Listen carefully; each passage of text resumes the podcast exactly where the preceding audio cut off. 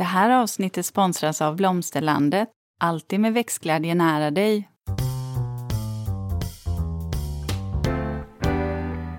Välkommen till Ulrika och Lindas trädgårdspodd. Och det är jag som är Linda Kylén, trädgårdsmästare. Och det är jag som är Ulrika Levin, trädgårdsdesigner. Och idag, kära lyssnare, så är det ju skärtorsdag. Vi närmar oss påsken och kanske lite välbehövlig påskvila eller påskledighet för många och det är påsklov för många barn också. Eh, men eh, vi tar inte paus än, utan idag ska vi faktiskt prata om jord och jordhälsa och vi kommer ha med oss en professor inom det här ämnet. För det här det här är ett område, Linda, eller hur, som, ehm, där det finns mycket att säga och där man, även jag, kan tycka att det blir förvirrande med alla råd och, eh, ja, och tips som man får. Hur ska mm. man egentligen göra och hur påverkar det som det är under mark? Det känns så ansvarsfullt när det kommer till jorden, att det vi fyller jorden med kan både vara bra saker men mindre bra saker. Och där gäller det att ta ett ansvar för vad vi preppar våra jordar med ja. och tillför. Och hur vet man vad som är rätt och vad som är fel? Och det kan ju bli stora rubriker om man eh, eh ja, gör, gör saker som är fel. Ja, och sen framförallt just det där att gynna mikrolivet och eh, mykorrhizan och hela, hela det underjordiska systemet och den symbiosen som finns. Mm. Eh, ja, spännande. Så jag, återigen, jag har ju blivit lite som en svamp när det gäller det här livet under jorden. Jag ska inte hålla på så här, jag lovar. Jag sa det nu så behöver vi inte ta Nej, det framöver. Men, men jag är jätteintresserad. Jag tycker det är oerhört spännande och fascinerande och en värld som känns ja, men, som, ett, som jag sagt tidigare, ett helt nytt universum. Jag tror mm. att det avsnittet som vi hade med, med Anna Rosling, The Wood Wide Web, eh, som avsnitt 115 där, och som handlar just om mykorrhiza. Jag har själv lyssnat om det, jag tror tre gånger. Det är intressant. Men du Linda, Ja, ja. Du märker att jag är, jag ska inte säga att jag är trött, men... Nej, men jag, jag såg att jag du lite... försvann, dina blåa ögon började titta, titta lite, lite så här. Så här. Ja. Nej, men det har ju varit en ganska intensiv period med mässa här nu förra veckan. Och eh, det gör att jag känner mig lite utlakad, kan jag nog säga. Har varit otroligt roligt. Alltså, Förlåt. Ja. Blev det också Göteborgshumor nu? Ja, ja, det kom. på tal om jord. Ja, på tal om jord, jag är utlakad. Ja. Nej, men eh, även om det är oerhört roligt så, så, ja, men, så tar det lite på krafterna. Och jag, eh, jag, jag tar ju inte någon paus, jag tar mikropauser. Mikrolivet. Ja. Nej men herregud. Nej men nu får vi sluta. Nu slutar vi. Blir, ja. Men jag tar mikropauser för att eh, ändå inte gräva ner mig. Gunnel. Nej men förlåt. Nej men åh gud vad, vad pajigt det här blir. Ja, det är pajigt. nej men, eh, eh, nej men så att jag har egentligen bara eh, sådär kommit tillbaks till Åsby för att eh, ja men jag har lite planer på att hålla Åsby öppet nu under påsken. Åh! Spännande. Mm. Lite butik, eh, lite sådär, ja, lite växter kanske, lite pynt som jag, jag har gjort Ja, men vi får se hur det blir. Man kan alltid kika in på eh, hemsidan. Jag gillar, jag gillar påsk. Mm. Det är en sån här, det är med hopp om våren någonstans och det är god mat och det är godis. Ja, ja men alltså det är lite som sista utposten för vintern. Ja, ja verkligen. Ja, och jag kan känna så här, vintern har passerats, även om det kan ligga snö kvar ibland. Eh, så, och... ja, men det är första gången man går ut och sätter sig så på riktigt vid söderväggen och bara åh, första ja, man fikan, lunchen mm. kanske man tar ute. Ja, påsken är sista ja. utposten för vintern. Ja, mm, så, så kan jag också känna. Mm. Ja. Och du, jag... vad, hur har din... Känner du dig ut, utschasad? Nej, faktiskt. Jag har, eh, jag har lugna ritveckor här nu, både den här veckan och nästa vecka. Som, eh, och lugna, ja det är ju jobb naturligtvis att göra, så att lugna på det sättet att det inte är många möten. Jag måste blocka mina veckor så ibland. Ja, man har så jag... mötesveckor och sen så har man ritveckor. Ja. För att eh, jag märker att jag blir mycket, mycket mer effektiv då. Man kan fokusera mm. på att mm. bara rita. Men jag tycker att det där är något av det mest svåra när man har ett eget företag. Att blocka växter för e växter, veckor för eget arbete. Ja, å andra sidan så är det ju så jag får pengar. Så jo! Att, äh, jag vet inte ja, riktigt annars. Det där med att vara egenföretagare, Linda, har du funderat på om det verkligen är din grej eftersom du inte blockar dina veckor? Nej, precis. Sa du blockar eller plockar? Plockar, ja. ja precis. Herregud, sa du att du var trött eller? Ja, ja. okej då, det, det skiner lite. igenom. Ja. Jag håller uppe garden här. Ja, men, precis. Ja. Det, Nej, men, metaforerna ja, haglar, metaforerna. men absolut. Nej, men jag, jag faktiskt eh, känner att jag ska inspireras av dig. Men jag tycker att det är svårt, för det är som att om jag stänger ner telefon och mail och går in och bara blockar veckan som du sa, då tror jag att jag missar en massa uppdrag. Ja, men alltså, det, är ju inte så, det är inte så att jag inte är nåbar, men jag, eh, med det att jag inte har mötestider och sen så har man ju tele, kan man ju svara på sina sms och mejl och eh, telefon eh, under senare på dagen när man börjar bli lite trött. Så. Jag har ju problemet att jag lätt blir så splittrad. Jag har kommit faktiskt på en sak. Mm. Men det kan jag ta i min reflektion sen. Ja, mm. det kan du få göra. Eh, jag tänker att vi gör så att vi ringer upp Håkan Wallander. Då tänkte jag säga hej till dig Håkan Wallander. Du är professor i markbiologi och miljövetenskap vid Lunds universitet och dessutom författare av flera böcker. Och din senaste bok eh, släpptes ju faktiskt nu i mars eh, och den heter Under olivträdet om våra hungriga jordar från Toscana till Skåne. Men nu måste jag fråga, eh, Håkan, för till skillnad från Anna Rosling som vi haft med i tidigare avsnitt och som du också känner, eh, så, så avslöjade hon faktiskt att hon är inte naturmänniska utan egentligen mer en labbrotta. Men du är ju en eh, hängiven odlare och har ju, eh, bor ju i Skåne där du odlar, men du har ju också en eh, olivodling tillsammans med flera andra i Chianti, Italien. Eh, och det är där din nya bok tar avstamp ifrån, eller hur?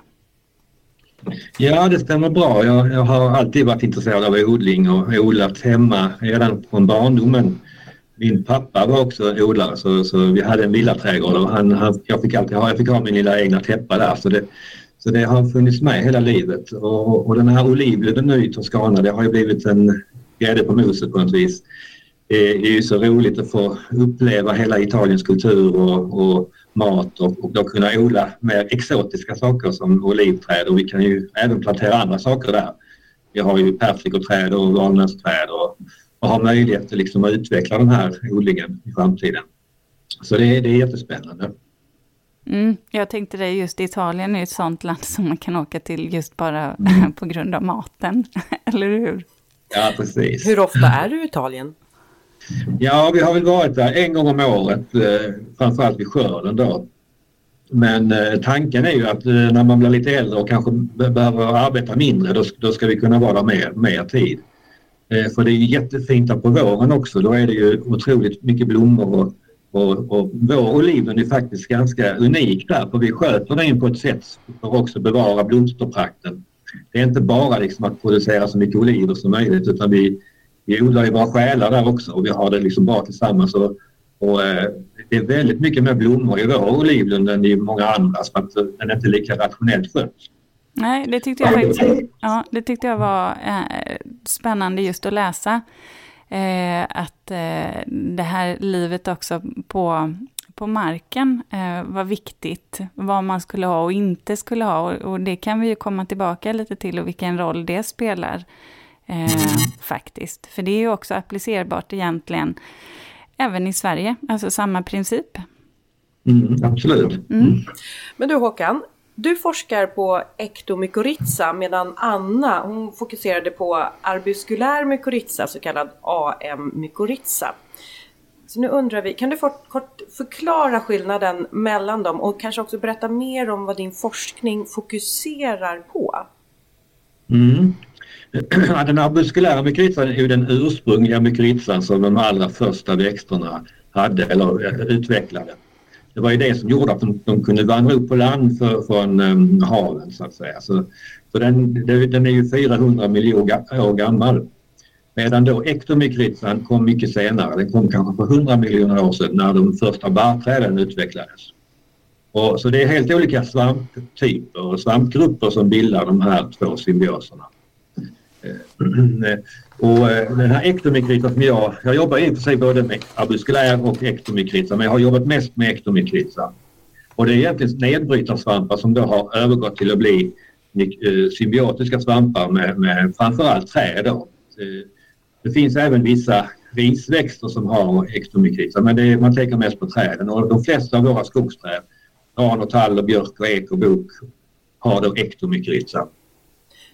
Och man kan väl säga att ju längre norrut man kommer på jordklotet ju, ju mer ektomikritsa dominerar liksom, eh, eh, ekosystemen. Medan mer rör man sig mot tropikerna så blir det mer en dominans av, av muskulära mikritsa. Och det hänger ihop med vilket ämne som är mest begränsande. Är man i tropikerna så, så är det ofta ont om fosfor. Fosfor har en förmåga att binda hårt till aluminium och järn i marken och det i de här eh, tropiska jordarna som innehåller väldigt mycket järn och aluminium. Man ser dem alldeles röda, det beror på järnoxider. Och de jordarna har väldigt ont om fosfor, det är väldigt svårt att frigöra fosfor. Och där är den arbuskulära mykripsan väldigt effektiv på det. Medan uppe i, i norr där vi befinner oss, där är det ofta kvävet som är den begränsande faktorn. Eh, och ektomykripsan är väldigt bra på att frigöra kväve från, från markens organiska substans. Så att eh, man kan väl säga att ektomykritan är jättebra på kväve, arbuskulärmykritan är jättebra på typ fosfor. Eh, och fosfor är mer begränsat till tropikerna, kväve är mer begränsat till boreala skogen och tempererade områden där vi befinner oss. Om, om, om jag då skulle ställa frågan, eh, vanliga inom citationstecken hobbyodlare, finns det någon anledning till att känna till den här skillnaden för den vanliga hobbyodlaren? Ja, det tycker jag absolut. Alltså är man vanlig hobbyodlare så är det ju mest eh, arbuskulär med grisar man kommer i kontakt med. Det är klart man har ju träd i sin trädgård också. Eh, som, men det är inte så vanligt med ek och bok och gran och den typen. Så det är mycket av örter och, och perenner och sådär. De har ju ofta arbuskulär med grisar. Och, och det här med, med fosforn, alltså är det ont om fosfor så är, är den här symbiosen väldigt viktig och väldigt betydelsefull. Men när man gödslar mycket med fosfor och då, då, då, då, behöver liksom inte växten satsa så mycket på sin, på sina, på sin mykorrhiza. Så att, eh, och det är ju en sak som gör att eh, om man gödslar mycket med fosfor i sin trädgård så kan man räkna med att man får mindre mykorrhiza. Likadant om man, om man, om man, rör, om man rör om i marken också. Eh, alltså man, man, man hackar och plöjer, eller plöjer gör man inte, men, men bearbetar marken. Då trasar man också sönder det här mycelet. Eh, så att det är också viktigt att veta att, eh, att det får en effekt de här olika åtgärderna. Mm. Får jag fråga bara så, här, så våra lyssnare hänger med, fosfor, vad skulle det kunna vara man gödslar med då? Ja, det är ju, om, man, om man gödslar med MPK så är ju P 1 fosfor så att säga, N är kväve och K är kalium. Och sen, sen kan även eh, stallgödsel innehålla fosfor. Så, så, alla gödselmedel innehåller ju fosfor. Så att säga. Benmjöl är någonting som man använder ganska mycket i ekologisk odling som är ett fosforinnehållande. Mm, ganska mycket. Mm. Och vi kör ju så här, det, man kan ju bara säga det, det vet ju alla ni som lyssnar, att Linda och jag, vi använder ju inte konstgödsel, utan vi kör ju bara sånt som eh, naturgödsel, typ, den typen av gödsel i alla fall. Eller, men du Håkan, jag tyckte du hade en så bra mening i din bok, för du skrev nämligen när träden hungrar efter kväve hungrar jordens organismer efter mull. Kan inte du mm. förklara mm. vad du menar med det? Ja, alltså det, det, hänger ihop väldigt mycket det här med kvävet och mullen. och det har att göra med att eh, växterna behöver kväve, framförallt träden. Eh, får de inte kväve då växer de väldigt dåligt. Eh, och växer de dåligt då bildar de väldigt lite blad och rötter och annat som så småningom blir mull. Så att man, det måste liksom till kväve för att det ska kunna bli en mullbildning. Eh, och det är liksom som, gör, som eh, man kan lära sig som trädgårdsodlare och annat att man måste liksom gödsla. Speciellt om man då har en, en odling där man för bort en massa saker som man skördar, om man har en grönsaksodling. Om man liksom inte tillför det kväve som man har tagit bort när man har skördat alla blad och, och, och rötter eller vad man nu har odlat för någonting. Då kommer liksom marken att utarmas på kväve och då utarmas den också på mull. Så det är viktigt det där att, att återställa den eh, mängden näring som man tar bort. Så, så ibland så vill man kanske inte gödsla så mycket, speciellt inom skogsnäringen så, så, så har det varit mycket övergödning och den problematiken. Eh, men eh, men det, om, man, om man gödslar för lite då får man också problem med mullbildningen och det, det är någonting som jag har velat förmedla med den här boken. Då. Eh, och jag tänker också att det, rötterna är jätteviktiga för mullbildningen. De, de eh, tar mycket längre tid på sig att brytas ner Medan blad och annat bryts ner lite fortare så, så rötter är jätteviktigt att få en bra rotbildning. Det är därför det är så bra med perenna växter också för de har ju, bildar ju rötter hela tiden medan eh, när man odlar ettåriga växter så tar man bort dem när man skördar. Så att, eh, rötter är bra för rotbildningen och, då, och ger man inte växten kväve så, så bildar de mycket mindre rötter. Men det, sen är det också det här Tillför man för mycket kväve, då har vi ju en annan problematik. Då, då kan ju det läcka ut och, och orsaka övergödning och så mm. vidare. Så det, är inte så att man ska ösa på massa kväve, det är inte alls det jag menar. Utan det gäller att få balansen där så att eh, man ger hela tiden så mycket som växterna kan ta upp. Och, och, och det kan ju vara en avvägning där som man får fundera på. Och jag tänker på det, det jag reflekterar över det du säger, det är ju det här med när vi pratar gödsel, alltså för, för jordens eh, organismer så är ju det också i form av, det vill säga eh, växtdelar. Eh, det mm. behöver inte vara gödsel som man köper på påse, för jag tänker också att det är ju Många är säkert på väg att rensa sina perennaplanteringar och man idogt städar bort eh, mycket av de gamla växtdelarna. Jag jobbar ju själv så att jag sparar oftast mycket av mina växtdelar och låter dem, klipper ner dem ibland och så låter jag det ligga kvar i, i jorden så får, får allt annat brytas ner. Ja, det är precis rätt tycker jag. Det är exakt det man ska göra. För, för det är en väldig resurs, alla de här växtdelarna och det här man, man räfsar upp sina löv och skickar iväg dem till återvinningscentralen. Det är ju vansinnigt tycker jag för att det är ju jättefin mullbildningsämne. Så, så, att eh, jag tycker att man ska ta vara på allt det organiska avfallet man har i trädgården och återföra det till marken. Det är jätteviktigt. Jag vet att du också pratar om att eh, vurma för täckodling och också att man eh, kanske på hösten täcker jorden och sina rabatter med någon liksom, marktäckning. Det skulle kunna vara till exempel halm eller eh, mm. för där finns det också ett eh, näringsutbyte. Jo, men jag är väldigt förtjust i täckodling och, och det räcker att man har man lagt, lagt ut ett täcke med gräsklipp till exempel och så lyfter man på det och, och känner på jorden under så är den ju väldigt fuktig och, och liksom har en fantastisk struktur jämfört med där man inte har täckt, där det ofta blir en, en skorpa och, och liksom, alltså det är väldigt lätt att se att, att det är bra för jorden bara genom att lyfta på det här täcket. Eh, och, och, det är ju material som organismerna i jorden, eh, det är mat för dem. Alltså maskarna älskar ju att dra ner material från om det är halm eller gräsklipp eh, i marken och, och när de tuggar i sig det här och, och, och exkrementen som kommer ut, det är jättebra material för, för, för strukturen på jorden och för andra organismer och, och så vidare. Och, eh, men man, alltså det, man ska ju vara lite försiktig för sig när man pratar om halm och så. Det är jättebra material för markens organismer. Men samtidigt är det väldigt, har det väldigt lite kväve i sig. Det är liksom mest kol, kol i, i det. Och då, då, då kommer de organismer som ska bryta ner det, då kommer de suga upp kväve från omgivningen. Så att eh, de kommer ta kväve från marken. Det är ju svampar då som växer ut med sina hyfer ner i marken under halmen och suger upp allt kväve för det behövs för att bryta ner halmen. Mm. Så att, eh, man får vara beredd på det. Men om man väntar tillräckligt länge så, så kommer det, det här kvävet så småningom att frigöras. Men det är ganska vanligt att man har lagt på halm och sen försöker man odla grönsaker och då växer det jättedåligt för att eh, svamparna som bryter ner halmen har tagit hand om allt kväve som fanns i marken.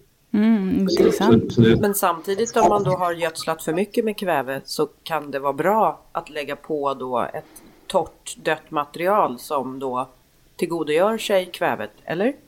Exakt, det är precis rätt. För, för annars är risken att, att det läcker ut. Är det för mycket kväve i marken så, så riskerar man riskerar att läcka ut.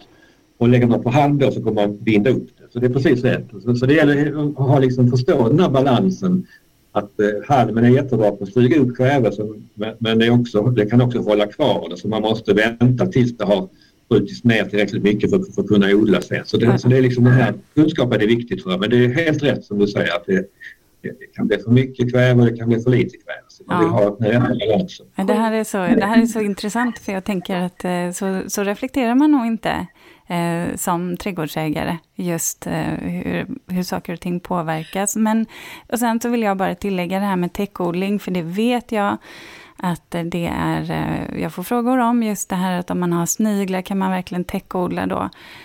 Ja, jag vet att några, att ibland så sägs det att man ska låta bli. Jag har väldigt många mördarsniglar och andra sniglar i min trädgård.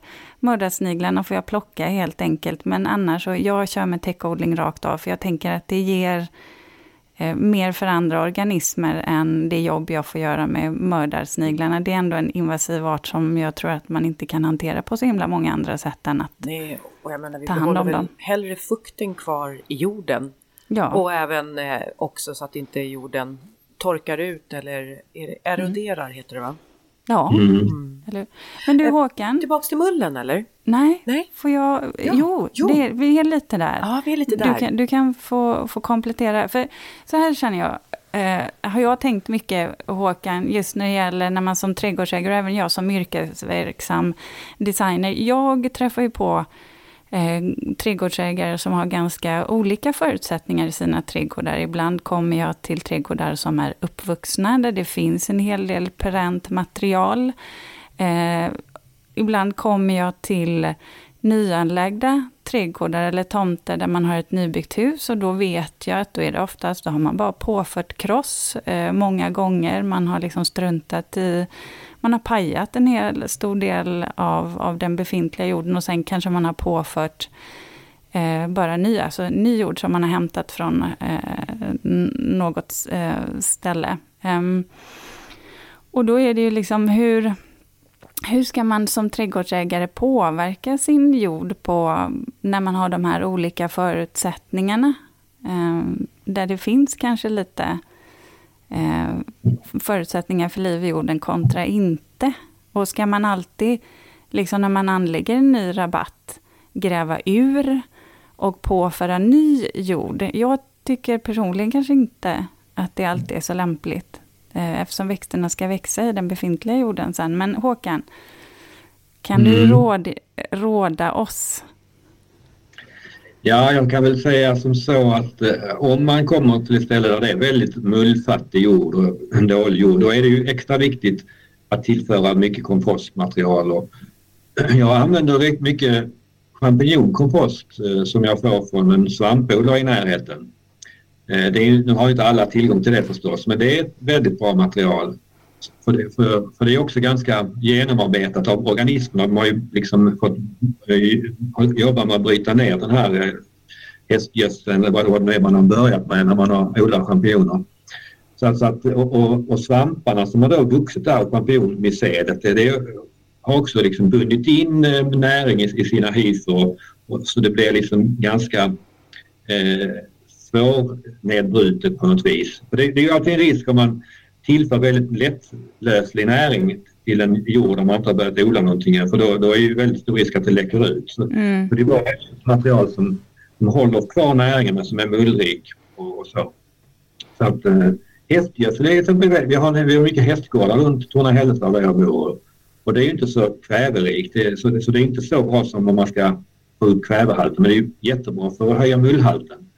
Och det är också ett material som är jättebra att blanda i. Vad roligt att du sa att, att du bodde i Torna-Hällestad, för där, jag har, jag har en, en kund till mig, jag håller på med projekt där nere, faktiskt en hästgård. Jaha. På tal om hästar. Ja. Ja, det är ett jättevackert eh, ställe. Ja, det är ett fint ställe ja. Mm. Mm. Och sen är, och sen är också det här med vilken typ av jord man har. Om man har en sandjord till exempel Ja, så, så är det jätteviktigt att få in mull där och, och, och den mullen försvinner också ganska fort. Verkligen. Mm. Den äts Ja, så man får liksom återföra mull ofta. Har man en lerjord däremot så, så, så, så blir, blir liksom mullen eh, svårare att bryta ner för den skyddas liksom av de här lerpartiklarna. Det, det bildas liksom eh, när, när mullämnen kommer nära lerpartiklar eller mineralpartiklar så, så är det svårt för organismen att bryta ner dem. Så att det håller mullhalten mycket längre. Så där kanske inte det är lika viktigt att, att man måste tillföra hela tiden. Så att säga. Men, men, eh, men sandjorden förlorar sin mull väldigt fort. En reflektion som jag har gjort när jag har varit bland annat i England och tittat på trädgårdar så har jag ofta sett att man har gödslat eller jordförbättrat med just eh, hästgödsel. Där man liksom ser de här eh, alltså, små bollarna, bajsbollarna, ligga liksom mm. nästan på ytan på jorden eller i alla fall liksom precis halvt myllats ner. Eh, kan man säga att det är en sätt då som de använder sig utav just hästgödsel att öka på mullhalten. För att eh, det här med mull i jorden, många tänker kanske på torv. Mm. Ja just det, och torv är ju inte något bra alls i det här Nej. sammanhanget. Nej. Att, när jag, jag är i Frankrike nu på Ingres sur i, utanför Paris. Och så vi var på en plantskola här i, häromdagen och då var det stora högar med, med jord och vi gick in och tittade. Då var det många av dem som var 0 torv, 0 torv. Mm. Så att, eh, det, det, finns ju verkligen ett motstånd mot att använda torv. För det, för det är ju egentligen ett fossilt mm. material. Som, det är nästan som att elda olja för att värma upp huset. Att, att använda torv som, som jordförbättringsmedel tycker jag. Sen är det ju inte så lätt att, att hitta ersättningsprodukter men, men jag blev förvånad här att det fanns så, så mycket jord säckar som inte hade någon torv i sig. Det var väldigt positivt jag. Ett, är ja. hemma. Ja, en, jag hörde faktiskt om ett experiment som man höll på med, jag tror faktiskt att det var neråt Skåne, där man odlade ängsgräs längs med vägrenar och längs med åkrarna. Och sen så hade man en maskin när man då hade kapat ner det här eh, för att behålla den magra, näringsfattiga jorden, så sögs mm. växtdelarna upp och sen så använder man faktiskt det för att blanda in i, ja men i bland annat jord tror jag. Ehm, mm. Att skapa, istället för att använda skogsprodukter också. Ehm, ja. För det är ju mycket så här att, jag, jag, tänker om man använder, skogen ska ju räcka till väldigt mycket nu och tar man bort även ris och grenar och så där, så vad får skogens mikroorganismer för mat då? Jag tänker, ja, allt, kan väl, allt kan väl inte, skogen kan väl inte mm. leverera allt. Jag tyckte det var en smart idé. Jag är bara lite orolig mm. för insekter som dammsugs upp i det där. Undrar vad som händer med det, så att man inte bara mm. dammsuger upp alla nyttodjuren och sen blir de mull. Nej, det kanske är samma princip. Eh, även om man gör det i skogen. I ja, don't know. Nej, jag vet inte heller. Bara en liten mm. reflektion där. Men det var intressant. Mm. Men jag Mycket. tänker så här, fler, alltså det finns ju länder som är helt torvfria, som inte använder mm. torv i sina produkter. Jag tänker att det borde väl vi klara av också. Ja, jag tror i England är det väldigt mycket motstånd mot torv. Mm. Jag hade en föreläsning med Dave Goldson, den här humleforskaren, ja, exakt. och han, han pratar mycket om, om, om det. Mm. Jag vet i Danmark i alla fall för eh, ett tag sedan så odlade man sådana här elefantgräs som eh, man sen komposterade och gjorde jordprodukter av. Jaha. Vi hade något forskningsprojekt om det för, för många år sedan så jag, jag, har inte riktigt, jag är inte uppdaterad på det men eh, det finns ju stora projekt i Afrika också att odla elefantgräs för att liksom få biomassa som, som kan sedan användas för att göra mull, marka mer mullrik eller man kan göra biokol av det och man kan göra andra saker. Det är något som växer ganska bra på, på, på dålig mark där man inte kan odla så mycket annat och så vidare. Så, mm. så det är klart, det är ju billigt att bara ta upp torven och bara torvmossa och det är dyrare om man ska odla någonting för att göra jord så att säga. Men, men ur klimatsynpunkt så är det ju inte bra det här med torv i våra jordprodukter. Det är helt klart. Nej, det, det, men jag tänkte på så här, hur lång tid tar det egentligen innan man kan se att mullhalten har påverkats eller ökats i en annars mullfattig jord? Ja, det tar lång tid alltså. Jag, jag har ju, det finns ju en massa sådana här långtidsförsök. Eh, det, det allra äldsta är väl det från England i Rothamsted där man började på 1800-talet och, och har behandlat på olika, med, med, olika behandlingar under lång tid och följt vad som händer. Jag vet även i Sverige så finns också många sådana här gödslingsförsök. Jag har varit inblandad i en del sådana. Då man har kanske sedan 50-talet, ja, ja, det kanske är, det är 50 år sedan ungefär man började. Och så har man då gödslat med NPK eller bara PK eller stallgödsel eller inget alls och så vidare. Och, och, och då ser man ju, jag tittade på någon sån här häromdagen och då hade väl mullhalten stigit med 10-20 procent på 15 år när man då tillsätter kompost och stallgödsel och den, alltså bra material. Och om man inte, om man inte tillsätter någonting alls utan bara låter jorden vara i träda, då, då, då, hade, då sjönk det kanske med 10, 10 procent på 15 år. Så det, det är liksom så att man fördubblar mullhalten för att man lägger på kompost ett år utan det, det, det är liksom det mesta bryts ner med tiden och så blir det en liten del blir mull som stannar kvar i marken. Så det, det är långsamma processer det här så det tar lång tid att bygga upp en, en bördig, rik jord. Mm, jag måste ställa dig frågan då också för att nu börjar vi ju, i och med att vi har blivit mera upplysta och även företag som eh, säljer olika typer av gödsel också försöker då, eller försöker, men som såklart vill hitta gödselmedel som är mera vänliga för eh, jorden och, och det liksom, klimatet. Så vet jag att det har kommit mycket sådana produkter som gör gott för alltså biostimulanter kallar man det för. Eh, mm. Allt ifrån eh, insektsfrass till eh, alltså humus där man har liksom tagit naturgödsel och låtit maskar bearbeta det här. Eh, vad, vad händer i jorden när man tillför eh, de här goda, det goda bakterier? Vad är biostimulant? Ja, det är intressant. Alltså, jag har väl lite delade känslor för det där.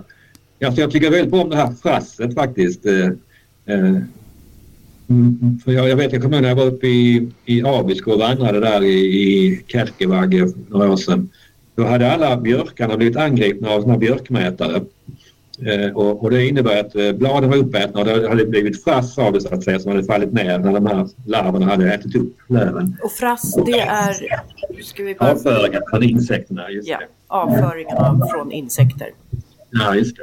Och där under växte det fantastiskt fint och frodigt.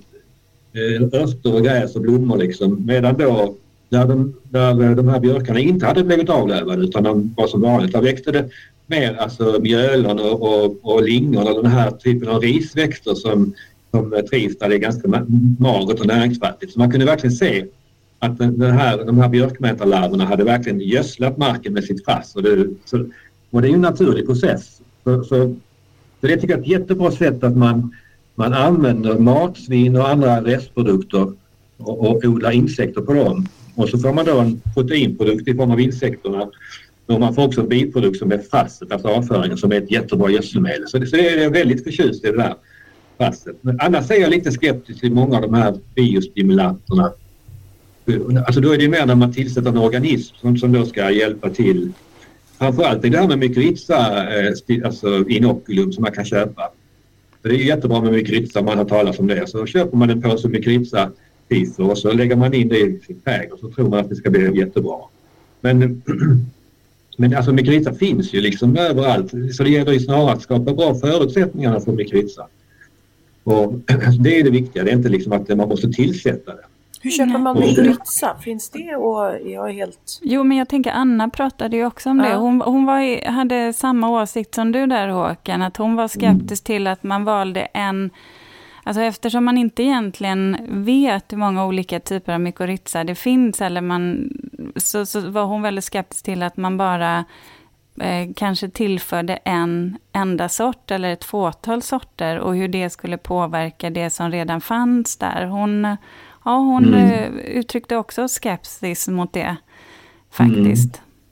Jag har läst några undersökningar. Jag tror det vanligaste är att man att det man köper är i princip dött. Alltså, mm. eh, det finns inget levande mykorrhiza i det och då, då, tycker jag det är ganska bra för precis som Anna så är det ju värre om det, om det finns något, något levande mykorrhiza där som, som då kanske riskerar att, att ta över det som finns naturligt i marken.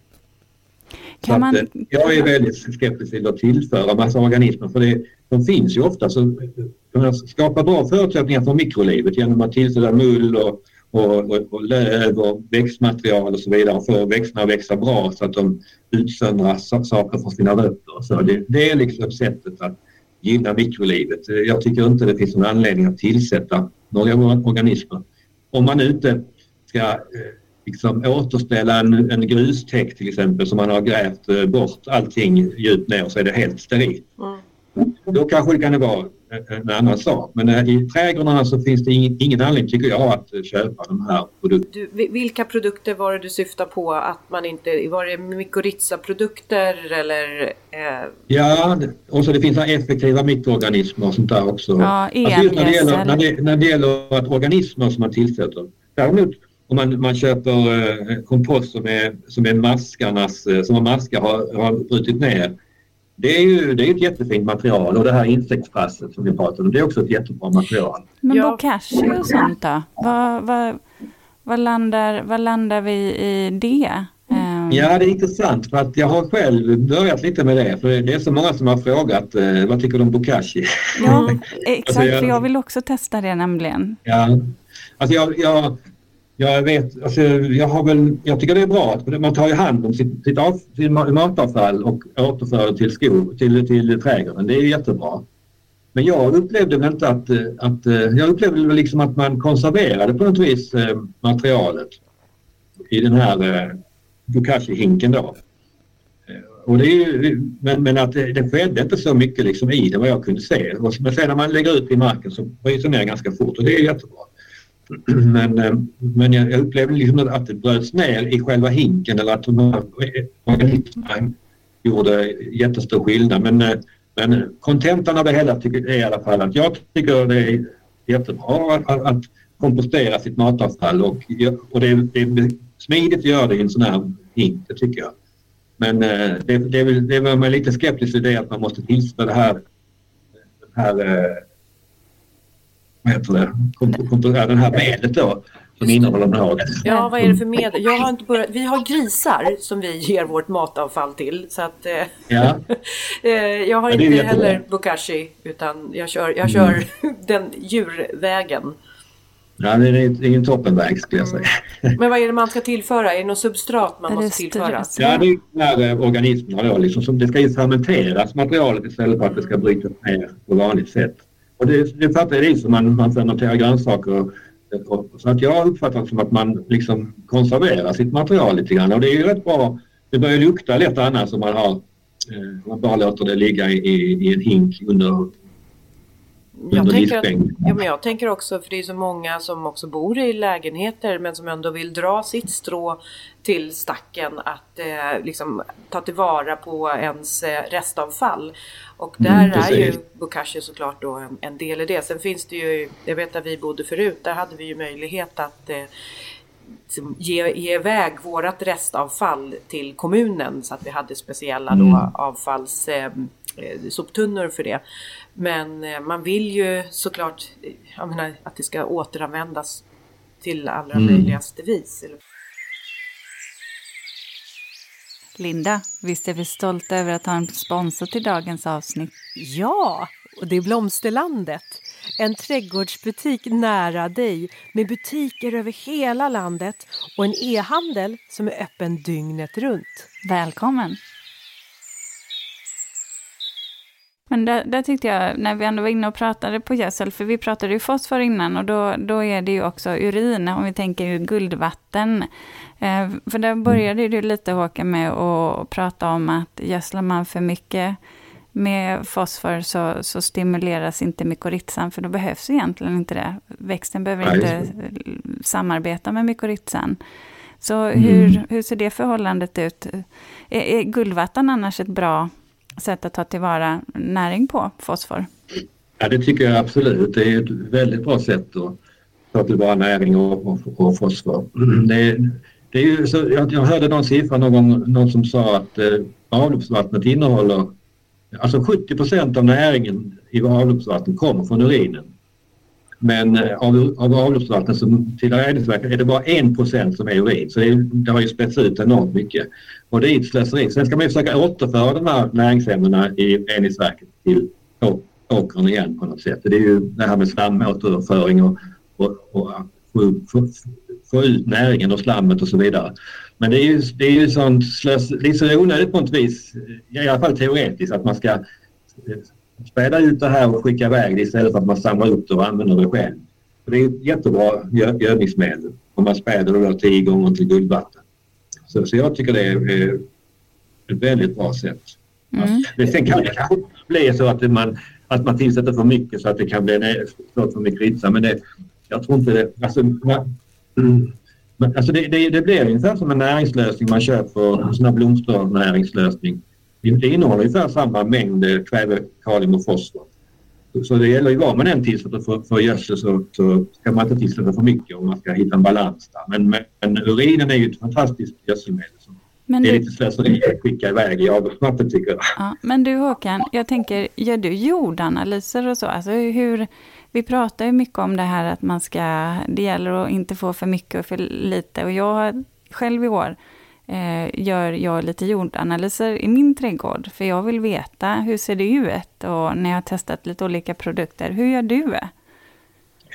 Ja, jag har varit lite slarvig men det, alltså, i Italien så, så gjorde vi jordanalys för att veta lite grann vad det var för typ av jordar och det var också mycket för att vi ville odla tryffel där också. Eh, och det är en liten speciell, specialitet där med tryffelodling så, så det var kanske det skälet också.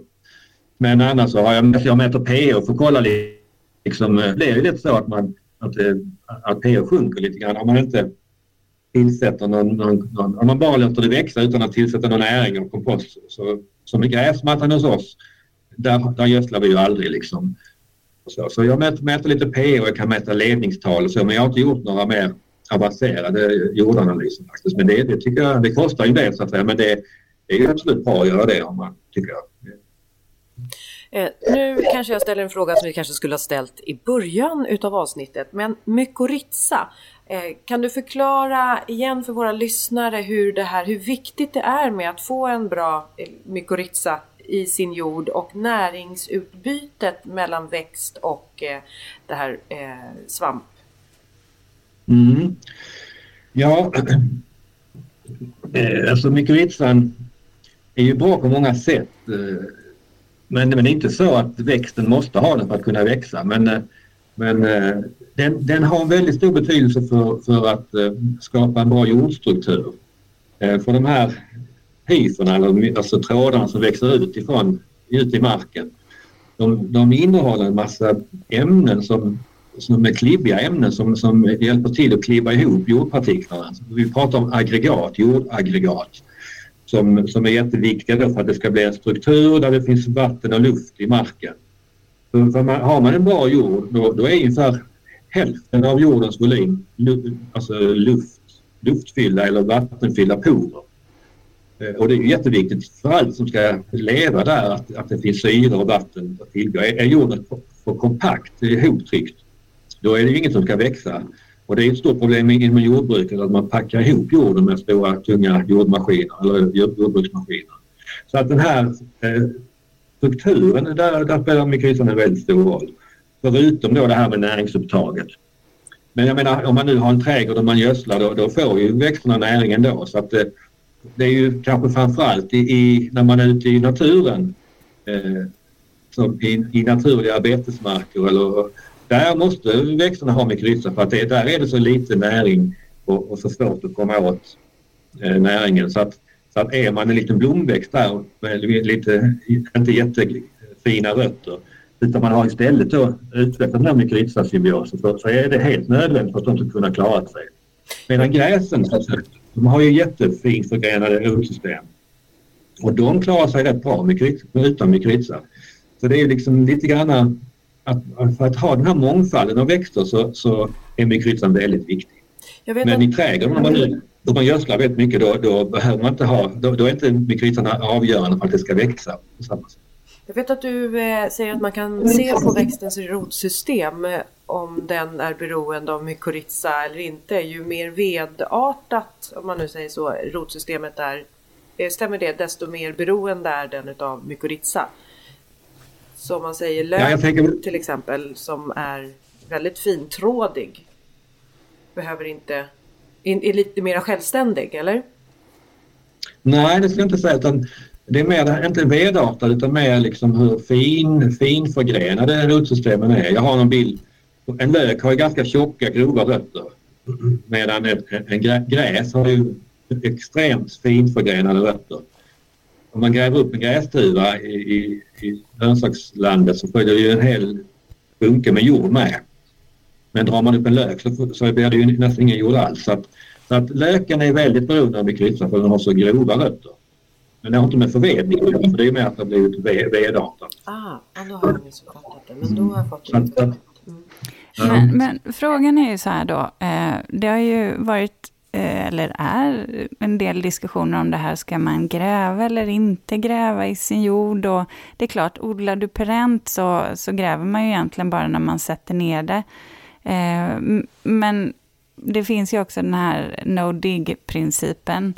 Mm. Men där egentligen, oavsett om man odlar perenna grönsaker eller perenna växter, eh, bara för blomsterprakt, eller ettåriga, hur mycket ska man egentligen gräva och kan man påverka jordens mullhalt ovanifrån utan att gräva så mycket? Jag tänker också det här, du vet Håkan, när man kommer till ny, nyanlagd tomt, alltså det är ju, kan ju vara en ganska rejäl eh, packad jord under, ibland nästan som en plogsula. Mm. Ja, det är intressant det där med no dig och så. Eh, jag själv, jag gräver ju, men det är framförallt för jag, jag har ju massa ogräs, det har väl de flesta, men, men har man rotogräs så måste man ju gräva för att få bort dem så att säga. Så, så, men eh, men eh, så, så jag, jag, jag, gräver för att få bort ogräset helt enkelt. Men jag, hade jag kunnat hålla det helt ogräsfritt och bara ha täck, täckmaterial så är det ett bättre sätt, absolut. Mm. Att, det är inte så att det är, alltså, att det är helt katastrof bara för att man tar ett spadtag i jorden. Liksom. Man dödar allting i mycel och så vidare. Många av de här mykorrhizasvamparna de klarar ju det bra och, och kan återbilda sitt mycel efter att man har varit om i marken. Men eh, det finns ju arter där som är mycket mer känsliga. Så man kan väl säga att ju mer man bearbetar marken ju mer kommer man gynna de här störningskänsliga mykorrhizasvamparna till exempel. Det, det är precis som när man var om i marken kommer ogräs eh, snabbt. Liksom. Det tar mycket längre tid för perenner att, eh, att etablera sig än om man har eh, rört om i marken. Så då det gäller samma sak för mykorrhizasvamp. Men, eh, ja. Men sen eh, jag tänkte på det här, om man nu kommer till en, en, en mark där det är helt, eh, man får börja från scratch till exempel. Det finns det som heter ramial chipwood, alltså, alltså flis. Eh, det använder man mycket när man ska alltså, eh, beskoga någon här eroderad mark och så. Man ska mm. återställa mark som har blivit eh, eroderad och varit landslides kanske så här i bergen. Och då brukar man tillsätta ett tjockt lager med alltså, flis. Mm. Och det är, det är ett jättebra material som, som man täcker då och sen kommer det liksom att höja mullhalten i takt med att det bryts ner. För det, är, det, är ganska, det tar ganska lång tid för det att bryta ner och, och så länge liksom det täcker marken så skyddar det marken också. Så, att, eh, så, så det är någonting som man, man kan fundera på. Men då, då, då, är det också där en risk att det här materialet kommer kanske suga åt sig rätt mycket näring när det bryts ner, som jag sa med halmen innan. Men, men, men det, det, är... Om vi då är inne på att täcka marken, om man nu har då träd, ska man, tycker du, ha gräsmatta under trädet eller mår trädet bättre av att ha till exempel perenner eller låga buskar där under? Marken, ja, marken och jag, trädet ska vi säga. Ja, just det. Men, ja, vi hade ju det problemet i olivlunden i, i Toscana att eh, där växer ju gräs mellan och det gör det ju i de flesta olivlundar så. Men när vi inte är där så mycket och hinner sköta om det så, så blir det här gräset väldigt kraftigt och, och när vi gödslade marken med fårgödsel då, då, då växer det här gräset jättebra och, och, och det liksom träden blev inte bättre av gödseln utan det var gräset som tog åt sig allting. Och gräs är ju väldigt konkurrenskraftigt med sina tjocka rötter eller sina sidförgrenade rötter suger de upp vatten och näring väldigt fort. Så att det, det konkurrerar ju lätt med träden om man har gräs, gräs under. Speciellt om man får låta, låta den växa fritt. Om man skulle klippa den väldigt mycket så kanske det inte blir samma effekt. Men jag tror det, kan man istället ha något, eh, några växter, perenna växter som inte är så näringskrävande så, så är, det, är det betydligt bättre för, för, för träden för då, då, då har de lättare att konkurrera. Mm. Eh, och det finns ju de här skogsträdgårdsböckerna som finns där, där, och det kanske även i andra trädgårdsböcker kan man ju leta efter marktäckare som inte är så eh, näringskrävande som, som jag tror är ett bättre val under äppelträd och sånt än att ha gräsmatta. För, det, för gräset är väldigt konkurrenskraftigt och då får man räkna med att, att det, det blir svårare för träden att, hävda sig där. Mm. Så är det ju. Eh, Håkan, jag har en sista avslutande fråga ja, men jag till dig. har också en sista avslutande Aha, fråga. okay. men vet du, då, då, blir din den sista, ja. Linda, och så tar jag min som ja. min näst sista. Mm. Eh, jo, hur kan jag som trädgårdsägare bli bättre eh, på att binda kol i jorden? Vad, vad är det liksom, vad ska jag göra? Ja, jag, jag tycker man ska, eh, det ska växa bra helt enkelt. Låt, får, man, eh, får man det att växa bra så blir det mycket rötter och rötterna bidrar mycket till, till mullbildningen. Och sen är det ju som vi har pratat om alla de här täckodling och, och att man gödslar med naturgödsel då, eh, som innehåller mycket mull och, och, att man använder restprodukter och sånt där. Det är ju, väldigt bra att, att matavfall och annat blir liksom mull så att säga. Det är ju bättre än att man går och köper någon produkt och man kan använda sitt eget material så är det allra bäst. Och alla löv, vi pratade om innan också, istället för att räfsa upp dem och skicka iväg dem, att återföra dem till, till marken. Då binder vi mull i marken. Sen kan man ju om man är lite riktigt sådär ambitiös eh, tillverka sitt eget biokol och eh, återföra till marken. Det, det är ju ett sätt att, att mer permanent, eller inte permanent fel men, men på längre sikt höja eh, halten av kol för att eh, biokolet bryts ner väldigt långsamt och ligger kvar länge i marken. Så, det, så det, där har man ju en fin effekt mot klimatförändringarna då att man får ner kol i marken som får ligga kvar där länge. Precis. Och det finns olika sätt att tillverka sitt eget biokol som man kan läsa om på nätet. Jag, jag har skrivit om det kan man i mina böcker.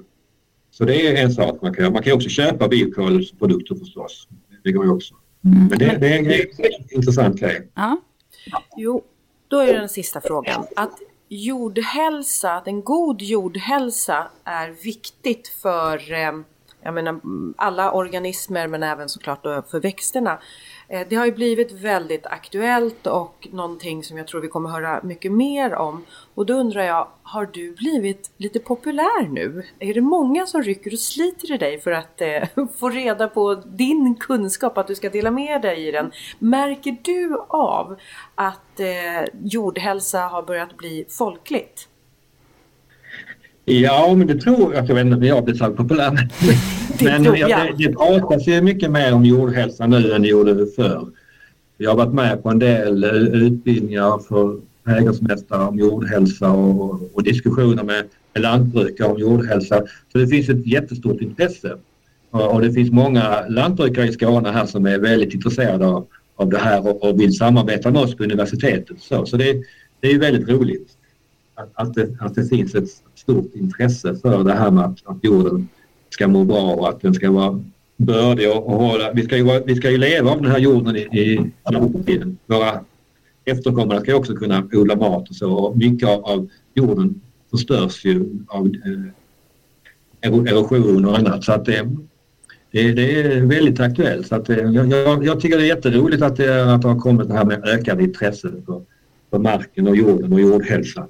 Mm. Mm.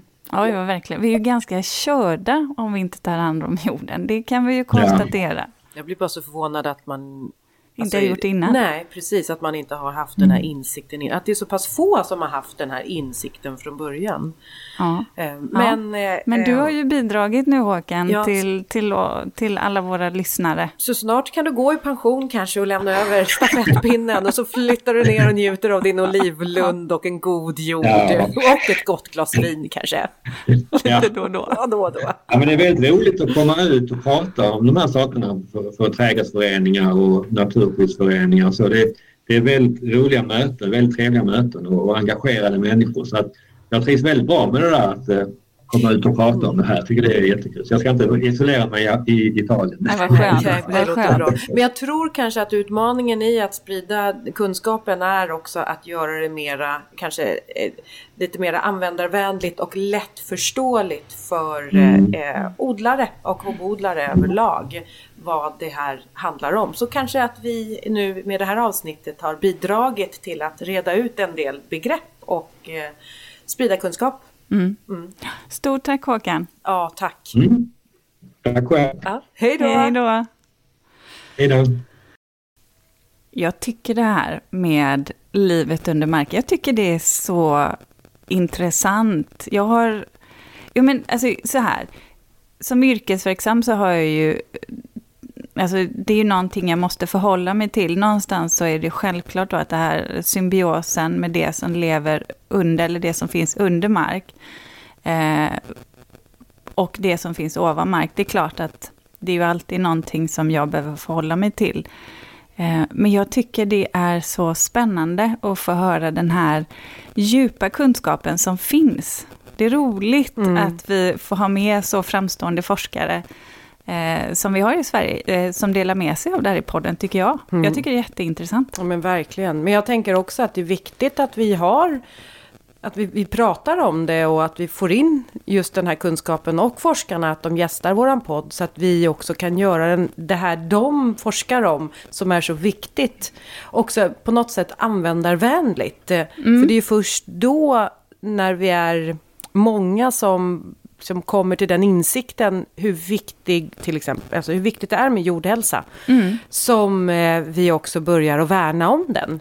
Mm. Och jag menar, pratar vi inte om det eller gör vi det inte uppmärksammat så då fortsätter vi ju som vi alltid har gjort. Ja, och jag tänker också så här att alla jag fattar att alla kanske inte kommer tycka det är så spännande med mikroorganismer. Men, och det behöver man ju faktiskt inte. Däremot så tror jag att många vill ha en fin trädgård. Många vill få avkastning på det man odlar någonstans. Och då då är det ju så att säga, handlar det om att lära sig att göra rätt saker. Mm.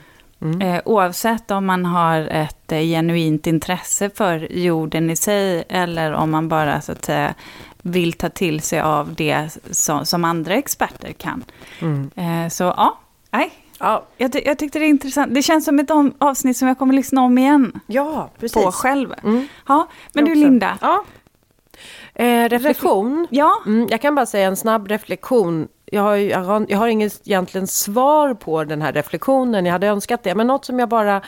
Jag blev väldigt arg, ska jag nu säga. Eller irriterad och upprörd och bara matt kände jag mig också. När jag lyssnade på nyheterna om, som var för någon månad sedan.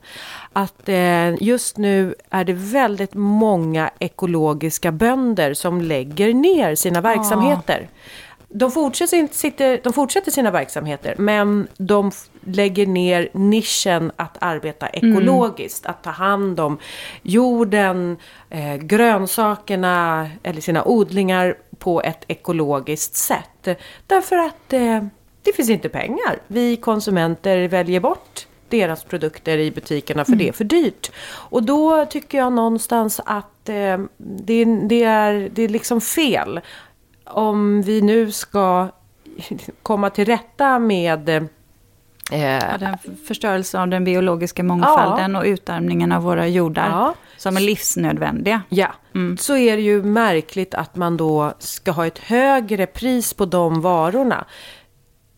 Och att vi då inte liksom får ha möjlighet att göra skillnad. För jag förstår verkligen att man i dessa tider dessutom kanske måste liksom stå där och välja mellan mm. smöret, paprikan eller som nu har varit uppe. Men att man då inte i regering eller liksom skatter, moms, gör någonting åt de här produkterna så att de ligger på samma prisnivå. Man borde ju göra, det, är så, och det, ja, det här är ju ett komplext system för det, det är ju många orsaker och det är många saker som behöver göras, men jag kan också tycka att eh, man behöver ju stötta de här bönderna som tar det här. För dels så har man ju lägre avkastning, eh, så är det ju på de ekologiska eh, grödorna. Men samtidigt så kan vi ju inte bara odla så som vi har gjort tidigare. Eh, vi behöver göra en omställning och här blir det ju, mer, alltså det blir ju målkonflikter, det märks ju allt tydligare. Det är ungefär som man, vi pratade lite om skogen.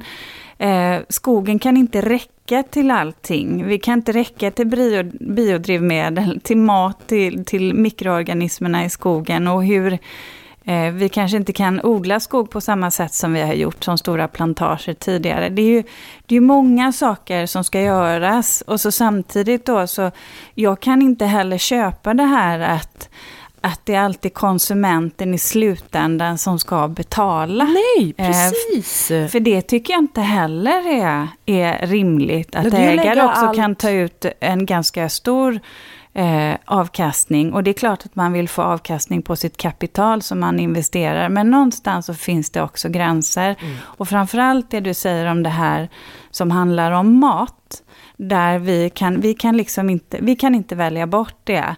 Där finns det också styrmedel som jag kan tycka att, att beslutsfattare skulle behöva bli lite hårdare. Mm.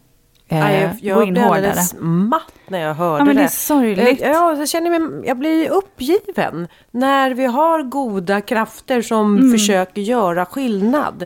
Men som inte klarar av att överleva på, på det. Därför mm. att de ska liksom konkurrera då med mm. eh, de här produkterna som går snabbare kanske att få fram också. Mm, där, du har med, av... där du får en större skörd. Ja. Nej, jag, jag, tycker, att det är... jag tycker inte heller det. Det är någonting som är väldigt snedvridet mm. där. Jag...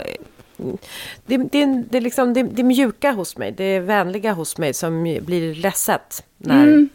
Ja, jag tycker också det är sorgligt. Den investering man har gjort och sen så... Mm som bara kastas bort. Mm. Vi behöver ju göra så mycket mer. Mm. Och det, det gör, vi, gör vi saker tillsammans så, så fungerar det ju. Gör vi ingenting så blir det surt för alla i slutändan. Ja. Eh, och det kan göra mig ganska bedrövad faktiskt. Mm. Eh, och det är inte vad man tycker och tror om det, utan det är bara rent men, det är vetenskaplig fakta. Ja, ja, och då kan man säga, vi har ju också dragit vårat strå till stacken genom att ja. vi också har haft ett eh, avsnitt om jordhälsa. Verkligen. Mm. Ja. Att, eh, ja, du, du tänkte så här, du behövde, jag såg direkt på, på det att du kände nu att nu, nu lämnar ja, vi avsnittet i dystopi ja, där. Ja, exakt. Jag kände nej, nej, nej, nej, det är inte det. Jag vill inte att vi ska eh, men, dra man, ner och bli eh, så här tungsinta. Nej, men det är men det som jag alltid säger. Bara... Man måste kunna prata allvar också. Precis. Utan att eh, man blir, stänger av öronen för det. Nu har vi sagt vad vi tycker. Ja, exakt. Ja, så får, får alla ni lyssnare fundera över era Reflektera. egna åsikter. Mm. Ja. Men du, om ja. en vecka då är det både nytt ämne och en ny reflektion från både dig och mig. Absolut. Och sen så tycker jag så här, vi önskar alla er eh, lyssnare en riktigt glad påsk och så hörs vi igen om en vecka. Ja, det gör vi. Mm. Hej då! Hej då! Just det, det är påsk nu. Ja. Nu har jag inte tid att sitta här. Nu måste jag hem och klä påskriset. Ja. Ja. Klä granen. Klä granen.